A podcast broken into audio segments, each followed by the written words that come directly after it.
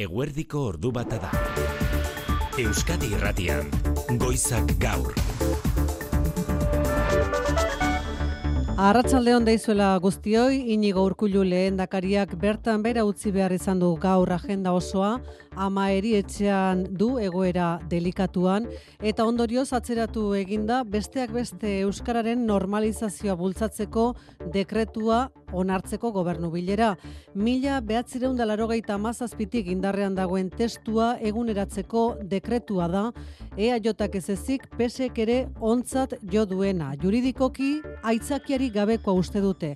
Besteak beste, Euskararen eskakizunaren aurkako epaiek baliogabetu zituzten hainbat atal, esate baterako lanpostu publikoetan erantzun gailuan lehen hitza euskeraz egitera bultzatzen zuen atala, dekretutik ezabatu egin baitute. Honekin batera, malgutu egin dute euskararen ezagutza egiaztatzeko modua. Lanpostu jakin batzutan, titulo ofizialen beharri gabe, nahikoa izango da lan eskaintza publikorako azterketa euskeraz egiteko gaitasuna erakustea.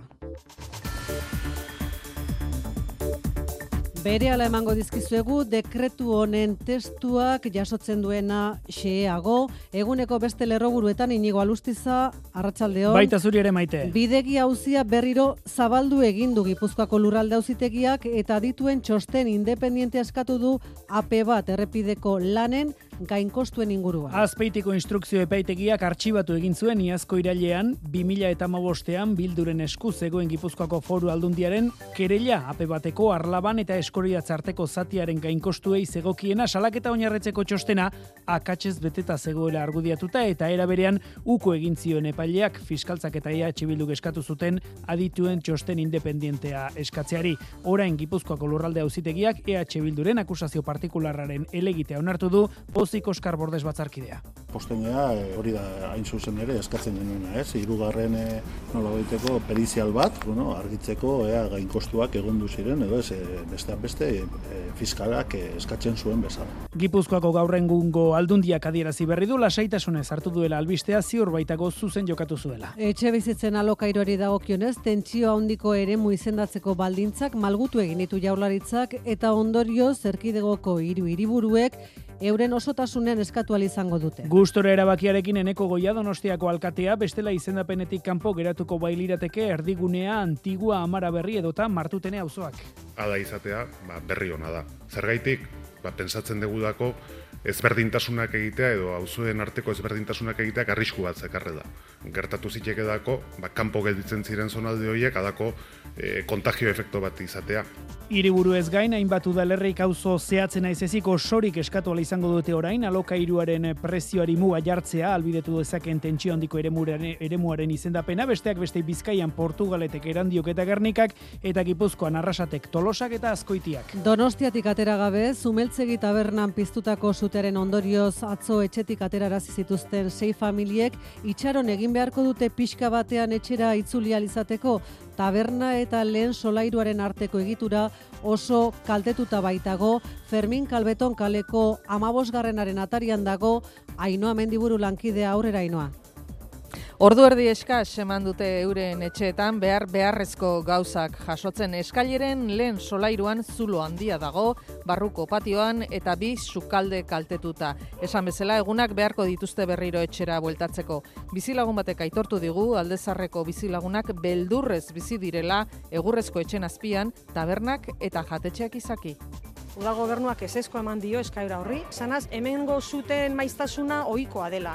Ez da ohiko maiztasuna. Hemen txartel asko ditugu, esan dedanagatik, berreun taberna daudelako. Orduan, gain esplotatuta dago gure auzoa neurre handi batean, eta tiketak ditugu, eta auzoan beldurra badago.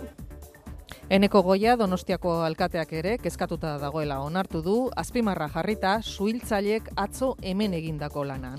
Nazioartean Errusiako gobernuak oinarri gabe kotzat jo du Alexei Navalnyren alargunak Putin presidentea egin izana haren hilketaren erantzule хамские обвинения главы российского государства, но учитывая, что э, Юлия Навальная... Julia Navalny alargunak hain zuzen eta oposizioko kidearen amak eskaera egin berri diete Rusiako agintariei uz dezatela Navalnyren gorpua euren esku. Azken orduotan Kremlinek adierazi duen bestea, ez duela informaziorik Errusiako armadatik desertatu eta joan den astean Espainian alakanteko bilajoiosa herrian tiroka hil zuten pilotuaren inguruan. Errusiako espioitza buruak bai, Maxim Kusimov, pilotua traidorea zela adierazi du. Errepide saren nagusian goraberarik gabe segurtasun sailak esan digunez, Euskalmetera jo behar dugu, jaione munarriz Euskalmet, Arratxaldeon, Kaixo, Arratxaldeon. nola datu zurren gorduak?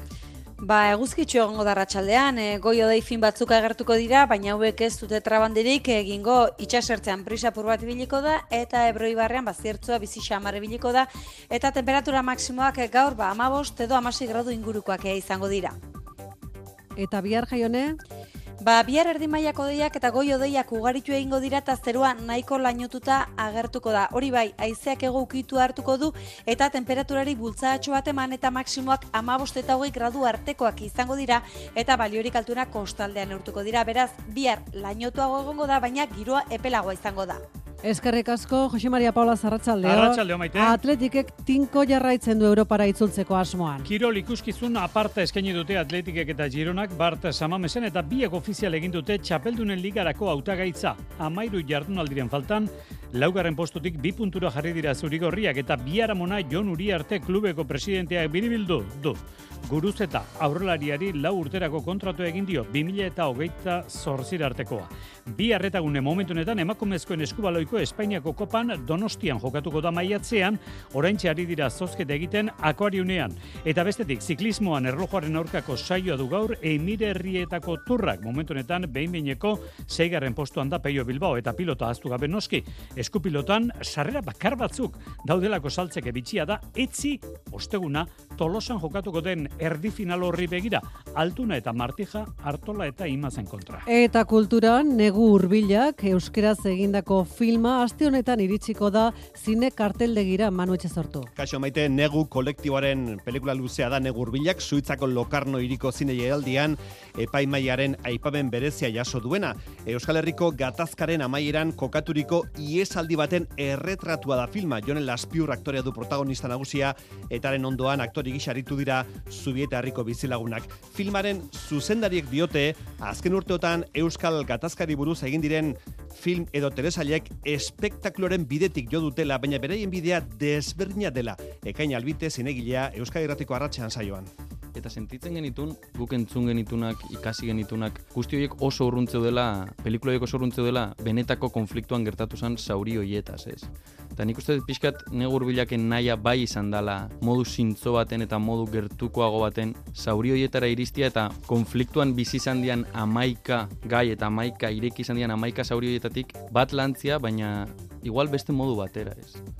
Helduko da ostiralean pelikula Ego Euskal Herriko karteldegira, negurbilak eta gaur egileak kultur lehioan izango ditugu maite. Ordu bata eta zortzi dira Mikel Retegi eta Julen San Martin teknikan eta errealizazioan. Euskadi Irratian. Goizak gaur. Maite Artola.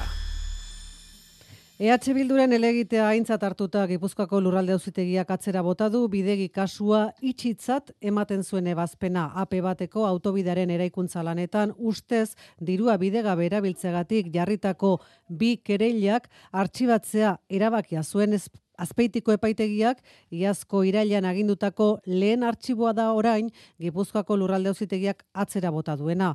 Epailaren jarduna kritikatzen duen ebazpenean peritu txosten independiente egiteko agintzen du orain Gipuzkoako lurralde auzitegiak igotzalkorta. Bi kereila jarri zituen bilduren foru aldundiak ape bateko lanetan izan ziren gainkostuak diruaren erabilera bidegabea eta dokumentuen faltsutzea salatuz. Lehen kereila 2008an eta bigarrena 2008ko ekainean agintaldia maitze zela. Azpeitiko epaitegiak azken hilabetetan biak artxibatzea agindu du, artxibatu zen lehena da orain Gipuzkoako auzitegiak ostera irekitzea agindu duena. Gaur egun herri akusazio den EH Bilduren elegitea partzialki onartuta. Motzean esateko ape bateko eraikuntzan ustez izandako gainkostu eta iruzurrari lotuta kontrajarria diren bi txosten izan ditu epailea mai eta akusazioak eta fiskalak berak hirugarren txosten independiente bat eskatuaren ez da egin. Besteak beste garestia dela argudiatu zuen iaz azpeitiko epaitegiak. Hori zuzentzeko eta peritu txosten independiente bat eskatzeko agintzen dio gaurko ebazpenean Gipuzkoako auzitegiak azpeitikoari. Salatuz, urteetan epaileak ez diela behar bezala erantzun akusazioen eskariei. Oskar Bordes EH Bilduko batzarkideak uste du auzia argitzeko urratsa dela gaurkoa. Nahi duguna da argitzea, argitzea, ea gainkostok egon ziren eta zentzuri izan du ziren eh, ardurak. Hortarako fiskala berak onartzen zuen, ez? Ba, egitatena, edo nola motoreko teknizismoak eta landu behar diren eta postenea, irugarren periziala albideratuko duen eh, erabaki bat hartu delako. Bordesek espero du artxibatu berri den bigarren kerele ere irekitzea ostera hauzia azken erarte ikerdadin, Gipuzkoako foru aldundiak salatua izan den azpiegitura egintzenean bezala Eusko Alderdi Jeltzaleak idatzen duenak orain, deituratu du txosten berria eskatu izanak luzatu egingo duela justizia egitea, baina era berean berretsi du lasai dagoela gauzak zuzen egin zirelako ape bateko lanetan irune berasa luze aldundiko bozera maila. Eskatuko dugu harik eta independienteena e, izan dadila, e, oso argi daukagulako, e, argi utziko duela Gipuzkoako foru aldundiaren funtzionamendu ona, eta baita eraikuntza bultzatu zuten arduradun tekniko zein politikoen jarduna zuzena izan zela. Aldunditik gogoratzen dute epaileak artxibo agindutakoan esan zuela bilduren gobernuaren salaketa datu okorretan oinarrituta zegoela eta uste dute hori berretsi egingo dela azkenean. Jaularitzak ezin izan du esan dizuegu gaur gobernu bilera egin, bertan bera gelditu da ondorengo prentxaurrea ere, izan ere inigo urkullu lehen dakariak bertan bera utzi du gaurko aurrikuseta zuen agenda osoa, lehen dakaritzaren oharrak dioenez, familia arazo larri batengatik azken ordua atxonarozenak. Arratsaldeon goizean goiz iritsi da lehendakaritzatiko harra familia arazo larriak aipatuz. Hain zuzen ere ama erietxean du inigo urkulluk eta bere osasun egoera tarteko lehendakariak bertan bera utzi du gaurko aurre ikusita zuen agenda publiko osoa. Gaur aste artea izanik beraz, ez da jaularitzaren asteroko gobernu bilerarik izan, bertan onartu behar zuten bestea beste sektore publiko osoarentzat euskeraren erabilera normalizatzeko dekretu berria. Baita gazteizko salburu auzoan alokairuko mila etxe bizitza publiko eraikitzeko akordio ba ere, baina gaurko gobernu bilera beste batean egiteko utzi denez, datari gabe oraingoz, bertan bera geratu da, lehendakaritzan bertan, gobernu bileraren ostean, bingai zupiria bozera maileak eman izan duen prentxaurrekoa, bertan bera baita, gazteizko udaletxean, eguerdiko amabiterrietan, Iñaki Arriola etxe bizitza saiburuak, gazteizko alkatearekin sinatu behar zuen hitzarmen ekitaldia ere. Arratsaldean berriz, lehendakaritzan badago, beste ekitaldi bat aurre ikusita, ordu aldaketa jakinarazi berri digute lehendakaritzatik, ordu erdi aurreratuko da, beraz lauterdietan izango da, hori bai ez da bertan inigo urkullu lehendakaria izango, gozone sagardui osasun zaiburua buru dela, eratuko dute osasun planaren zuzendaritza batzordea. Ba, atzeratu den gobernu bilera horretan, onartu behartzuen gaur jaularitzak Euskararen normalizazioa bultzatzeko mila behatzeron dalarogeita mazazpitik indarrean dean dekretua egun eguneratzera datorren dekretua. Jaularitzari aldundiei udalei eta beste hainbat erakunderi eragingo dion dekretuaren xetasunak baditugu ala ere, pesek ere bide batez ontzat eman duen testua Inara Rubio Arratsaldeon. Arratsaldeon. Oroar sektore publikoko lanpostuetan euskera eguneroko hizkuntza bilakatzea duen helburu bilakatzea duen dekretua da, baina hizkuntza eskakizunen inguruan malgutasuna erantziz euskararen ezagutza egiaztatzeko aipatu dugu titulo ofizialen beharrik gabe nahikoa izango dela hainbat lanpostutan azterketa euskaraz egiteko gaitasuna erakustea. Hori da berrikuntza nagusienetakoa, tituloaren beharrik gabe, hizkuntza eskakizuna egiaztatu izango dela, bi modu daude horretarako, lehena, hautaproba euskaraz egitea modu horretan gaindituz gero lanpostuari dagokion hizkuntza eskakizun maila egiaztatuta geratuko da. Bigarrena lanpostuan bertan euskara erabiltzen dela probatzea. Beste berrikuntza perfil asimetrikoak indarrean sartuko direla, lanpostu konkretu batzutan ez da maila bera eskatuko ahozkotasunean eta idatzizkoan, adibide argia, ba, autodeuduz gidari bati, ahozko euskara maila handiagoa eskatuko zaio, idatzizkoa baino, bere eguneroko lanean hori delako beharko duena. Lanpostura eta tokian tokiko egoera soziolinguistikora era malguan egokituko dira modu horretan profilak, esan duzu sektore publiko osoari eragingo dio dekretuak, eta erakunde edo elkarte publikoek bederatzi urte izango dituzte dekretura egokitzeko. Dekretuaren testuak jasotzen duene bestalde lan eskaintza publikoko azterketak zati batean, benik behin, euskera utxez eginarazteko eskubidea emango zaie lekuko erakundei. Jaurlaritzaren arabera hau Katalunian edo Galizian ere egiten da. Kojua, eh, Euskadiko aholkularitza juridikorako batzordaren argi berdea izan du testuak eta horregatik uste du Jaurlaritzak orain arte euskararen eskakizunari lotuta izan diren kontrako epaien modukoak saiesteko aukera emango duela dekretuak idatzita dagoen bezala. Hori da, zer esan gehien eman dezakeen puntuetako bat izango da zuzen ere, autaprobaren zati bat edo batzuk Euskara utxean egiteko aukera. Probara aurkezten diren hautagai guztiek egin beharko dute derrikorrez zati hori Euskaraz, ze kasutan egingo da hori, ba, erakunde batean, Euskara denean lanerako hizkuntza esate baterako, uemako udalerrietan, ulertuta logikoena dela, zonalde oso Euskaldunetan Euskaraz ondo dakien langilea izatea. Erakunde bakoitzak erabakiko du edozen kasutan ala egingo ote den, kasu honetan, Estatu Espainiarrean egiten dena aztertu da, izan ere Galizian esaterako galegoz egiten dira lan eskintza publikoko proba asko, Katalunian ere bai katalanez, eta Espainiako gobernuak ingelesez edo atzarriko beste hizkuntza batzutan egiten du. Testuaren segurtasun juridikoan bermatu dugu Euskadiko aholku juridikoko batzordeak izan ere gaiari lotuta kaleratu diren epaiak aintzat hartu dira, besteak beste balio bat betuta geratu diren artikuluak Euskara lehen esten zutenak bertan behera utzi. Eskerrik asko, Ainara. El Correo egunkariaren bidez jakin dugu, asteburuan urdaibeira bisita egin zuela New Yorkeko Guggenheimeko urrengo zuzendaria izango denak, Bizkaiko aldun nagusiaren eskutik eta beti ere informazioen arabera jaurlaritza etzegoela jakinaren gainean. Elisabete Etxanobe, Bizkaiko aldun nagusiak gaur agerraldia zuen, batzar nagusietan besteak beste urdaibaiko Guggenheim proiektuaz hitz egiteko, ez dakigu honen inguruan, ezer esan ote duen urtzi gartzi arratsaldeon Arratzaldeon maite, ba, horretaz ez du deus esan, soilik egitasmoari buruzko seetasunak eman ditu, Gernikako dalia lantegi eraisteko baimena du jada foru aldundiak, kutsatutako lurrak eta lurrazpiko urak garbitu, kutsatutako lurrak barkatu, eta lurrazpiko urak garbitu beharko ditu ondoren, eta bertan altxatuko den amazazpien mila metro karratuko ere ikinak arteta zientzi ikerketarako zentro izango du ardaz muruetan aldi, zazpien mila metro karratuko museoa lurzoru gehiena ordea berdegune izango da, Elisabete Etxanobe. Lan handia geratzen da proiektu hau bideragarria dela bermatzeko. Lurzoruak deskontaminatzen ez badira, lurzoru industrialen kalifikazioa aldatzen ez bada, edo muruetatik ontziolaren jarduera mugitzen ez badugu, proiektua ez da bideragarria izango. Aldun nagusiak ukatu egin du oposizioak salatu legez, hasierako egitasmoa edo estrategia aldatu duenik foru aldundiak, proiektuak berme guztiak bete ditzan urratsasko bete behar dira edo eman behar dira irigintza alorrari dagozkionak bereziki. Proiektuari buruzko parte hartze herritarra iragarri du ere bai etxanobek naiz eta ez duen galdeketarik izango den alez argitu soilik informazioa jaso edota zuzenketak aurkezteko aukera aipatu du.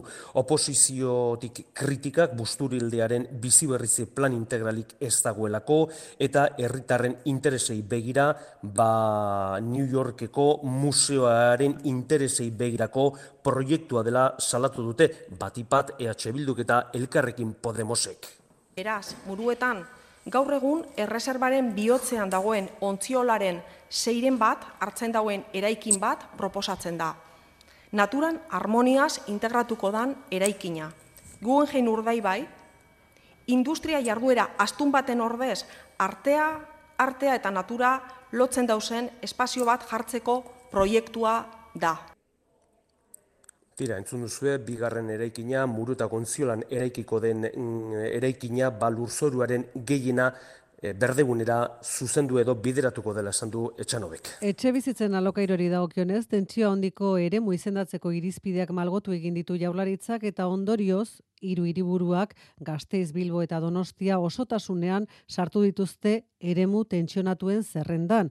Udalerri gehiago ere batu dira zerrenda horretara.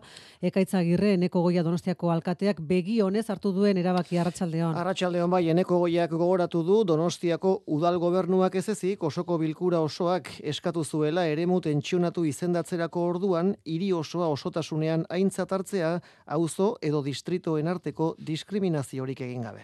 Ezberdintasunak egitea edo auzuen arteko ezberdintasunak egitea arrisku bat zekarre da. Ez? Eta aurreko batean aipatu nun martuteneren kasua.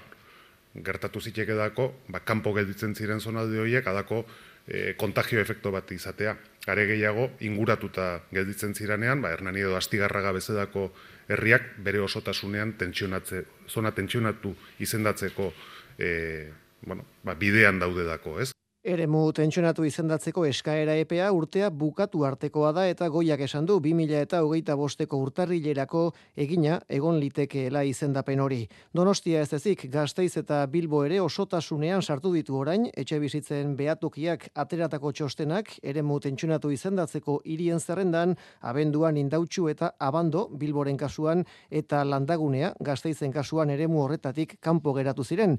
Hiriburuekin batera bestein bat udalerri ere sartu dira, Arrasate Azkoitia Soraluze eta Tolosa Gipuzkoan eta Balbase da Erandio, Gernika Lumo, Ortuella, Portugalete eta Trapagaran Bizkaian. Tentsio handiko izendapenak etxe bizitzen alokairuen prezioari muga jartzeko eta etxe bizitzaren arazoaren aurrean maizterrei hainbat baldintza jartzeko aukera ematen die udalerriei. Maria Txibiteren gobernua berriz dagoeneko ari da Nafarroak trafiko eskumena bereganatzeko ze bide dituen foru hobekuntzan hainbat aditurekin hitz egin du Euskadi Irratiak eta auditu horiek argi uste dute Nafarroako eskubide historikoen artean dagoela trafikoa, baina agian foru hobekuntzaren testua lausoegia dela ere aitortu dute eta auzitegi gorenak interpretazio murriztailea eginez erabaki duela eskualdatze hori errege dekretu bidez egitea etzela egoki izan. Eli Eraso Iruña Arratsaldeon.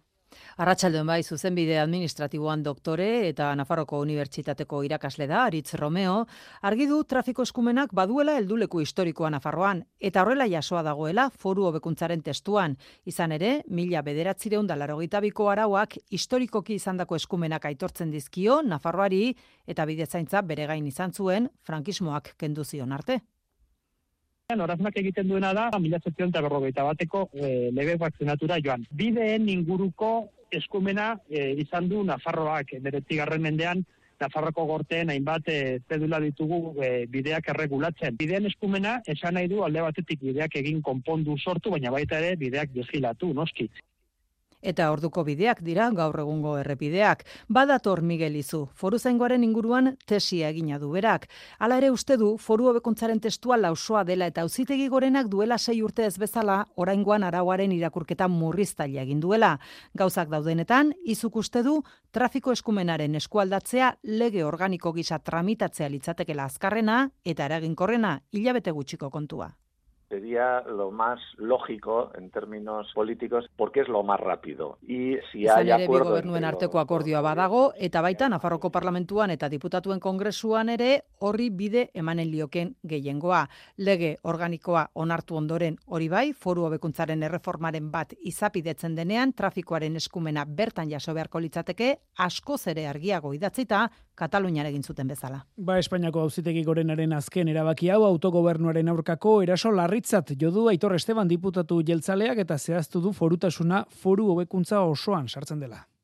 E, ezin du ulertu, e, sententzia hori, azken baten forotasunaren e, ukapena dakarrelako, esaten da ben lez. Ituzue, foro komunitatea, deitzen dautzola bere buruari, Nafarroak, morduan forutasunak sartzen da, forutasuna sartzen da, bere amejoramendu osoan. Estebanek erantzi du Eusko Aldarri Jeltzaleak bere esku dagoen guzti egingo duela gorenaren erabakia zuzentzeko.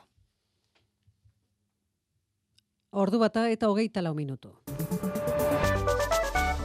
Espetxean hiltzen Alexei Navalniren eriotzaz Kremlinetik gaur oinarri gabekotzat jo dute Julia Alargunak Vladimir Putin presidenteren aurka egindako salaketa, ura hilketaren arduradun egin izan alegia. Navalniren emazteak eta amak mezua zabaldu berri dute Errusiako agintari eskatuz utz dezatela gorpua euren esku mertzitxe berria. Vladimir Putin zuzendu zaio zuzenean Lyudmila, Alexei Navalniren ama bideo batean. Я обращаюсь к вам, Владимир Путин. Erabakia soilik zurea da, zurea da esan dio, utzi da zu azkenekoz nere semea ikusten eta behar bezala lur ematen. Beste horren beste egin du Julia emazteak, Alexei Navalniren gorpua bere senitartekoen eskutz dezatela esigitu du Errusiako agintariei. Artiko ondoko Salejar dirian da Navalniren ama, orain arte ez diote utzi semearen gorpua ikusten. Julia emazteak atzo zabaldutako bideoan Navalniren hilketa Putini leporatu ostean, Kremlineko bozeramaleak gaur oinarri gabekotzat jodu salaketa. Разумеется, это, это абсолютно голословное хамские обвинения главы российского Emaztearen bideoa Putin presidenteak ez duela ikusi esan du Peskov bozera maleak, ark esandakoaren inguruan, emazteak esandakoaren inguruan alegia nobotxik gaza erabiliz pozoitu dutela eta haren arrastoak desagertu zai daukatela gorpua izkutatuta, ba horren inguruan valorazio gehiagorik ez du egin nahi izan Kremlineko bozera maleak alargundu berri den emakumea dela erantzi du eta ez litzatekela etikoa valorazio horietan sartzea. Gai honi lotuta azken apunte bat maiten Vladimir Putin Errusiako presidenteak kargu zigo du espetxe zerbitzuetako zuzendari ordea, Alexei Navalny kartzelan hileta hiru egunera koronel izendatu dutela jakinarazi du Navalnyren lantaldeak.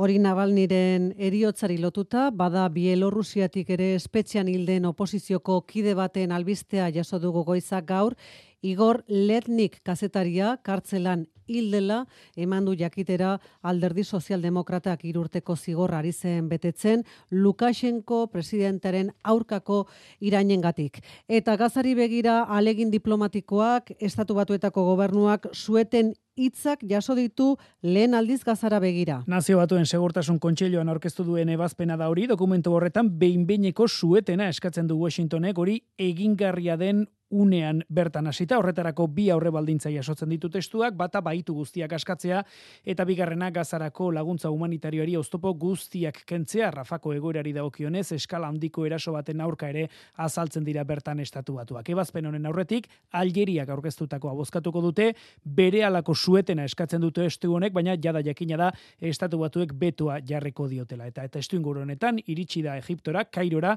Ismail Hanille jamaseko buruzagi politikoa suetenaren inguru inguruan negoziatzera.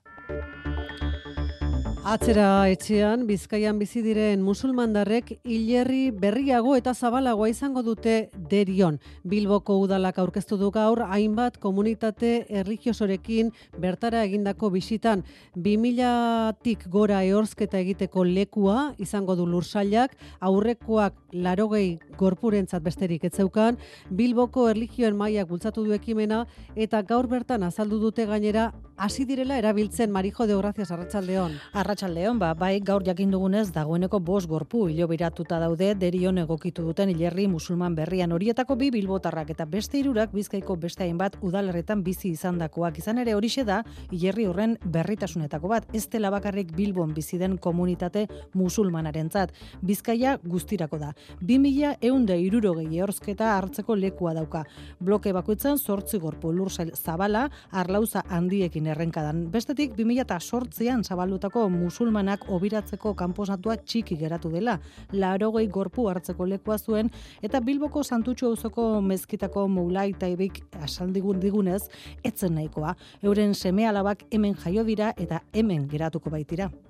La mayoría que tenemos eh, algo para nos iban allí, pero los hijos eh, son de aquí y se quedan aquí musulmanena da komunitate erligiosorik handiena Bilbon. Atzerritarren euneko bederatzi koma bat marokoarrak eta euneko bat koma sortzi senegaldarrak euskadin, laro eta amar mila musulman inguru bizi da ikuspegiren arabera. Errealitate horri erantzun nahian adostu du Bilboko erligioen maaiak derioko obitegi berria zabaltzea. Gotzone mora, immigrazio teknikaria Bilboko dalean fede musulmanari ba, pizkatxo bat erantzun emoteko bebai, bilon daukagun dibertsitatea dela eta ba, eurek ere euren eh, ehorsketak egin alizateko, ez?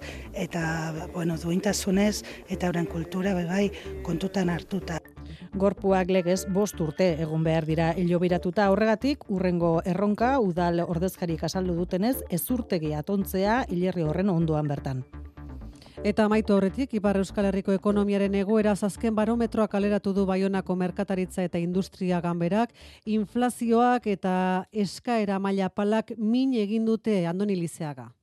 Berreundi gora enpresa ganberako inkestan, sektoreka, komertzioa okerren, industriak eusten dio baina eskaera gutxi dituzte, eraikuntzak emeki emeki obera baina motel eta turismo ere motel, irabazi gutxi eta denek diruzointza zailtasunak dituzte Andre Garreta, ganberako presidentea aussi un pouvoir d'achat euh, qui a été euh, fortement impacté. Inflazioak hor segitzen du apalxiago, baina hor da, erosmen almenak kolpe handia hartu du eta enpresak ikusgarritasuna aula dute eta esku gain eskazia.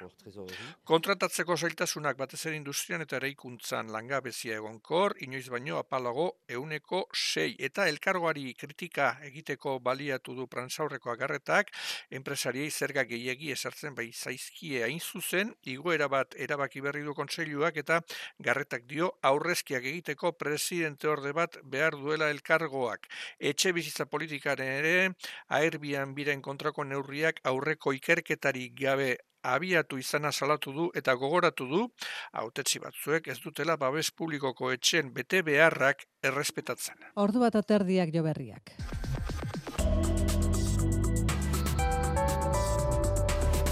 Euskadi Irratian eguraldia eta trafikoa. Aparteko gora berari gabe errepidezaren nagusian eta uxe urrengo orduetarako eguraldiaren pronostikoa Euskalmeten eskutik. Eguzkitzu egongo da arratsaldean e, goio deifin batzuk agertuko dira, baina hauek ez dute traban dirik egingo. Itxasertzean e, brisa biliko da eta ebroi barrean zirtza ere bizi xamarri biliko da. Temperatura maksimoak amabost edo amasi gradu ingurukoak e, izango dira.